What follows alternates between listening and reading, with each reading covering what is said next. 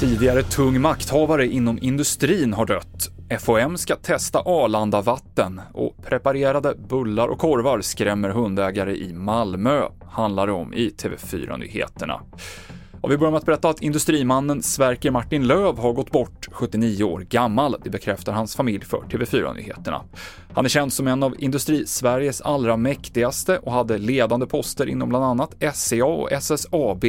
Och han lämnade ett stort avtryck, säger vår ekonomireporter Jens B Nordström. Han gjorde ju SCA till en stor global spelare. När han blev VD 1988 då var ju fortfarande SCA ett ganska litet bolag.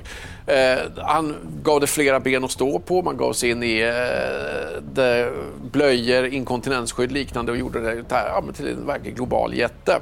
Samtidigt så får hjälper han ju till att forma det svenska näringslivet också. Att SSAB, eh, Ericsson, Skanska, eh, Sandvik, de hade inte sett ut på det sätt de gör idag och kanske inte mått lika bra idag om inte Sverker Martin Löv hade funnits med där i kulissen också.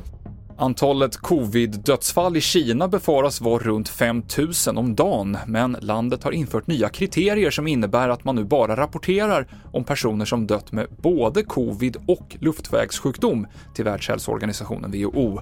Det här oroar WHO som vill att sjukhuspersonalen i Kina ska kunna lämna riktiga siffror om sjuka eller döda. Och Folkhälsomyndigheten här i Sverige ska samla in prover på avloppsvattnet från Arlanda för att få bättre koll på spridningen av covid och se om nya varianter kommer från inresande. Sverige införde nyligen krav på covid-test för resenärer från Kina, men i nuläget så tror inte FOM att smittspridningen där ska påverka läget här i Sverige. Och hundägare i Malmö larmar återigen om upphittad mat preparerad med vassa föremål på platser där hundar rastas. Det handlar bland annat om bullar med inbakade metallbitar och korvar med spik i. Det är alldeles fruktansvärt. Det är ju jättesorgligt eh, och väldigt oroande tror jag för alla som har hund.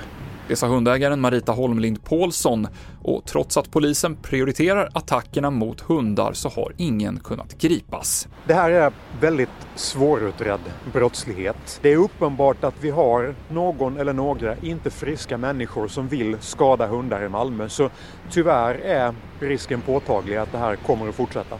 Nils Norling på polisen. Fler nyheter finns på tv4.se.